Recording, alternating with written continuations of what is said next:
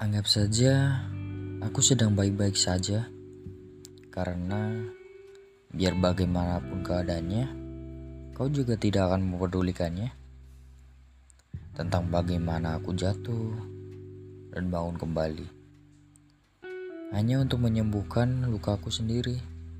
Sudahlah, biarkan ini menjadi tugasku. Tugasmu cukuplah bahagia dengan keputusanmu. Semoga dia yang baru mampu membahagiakanmu, tidak seperti aku.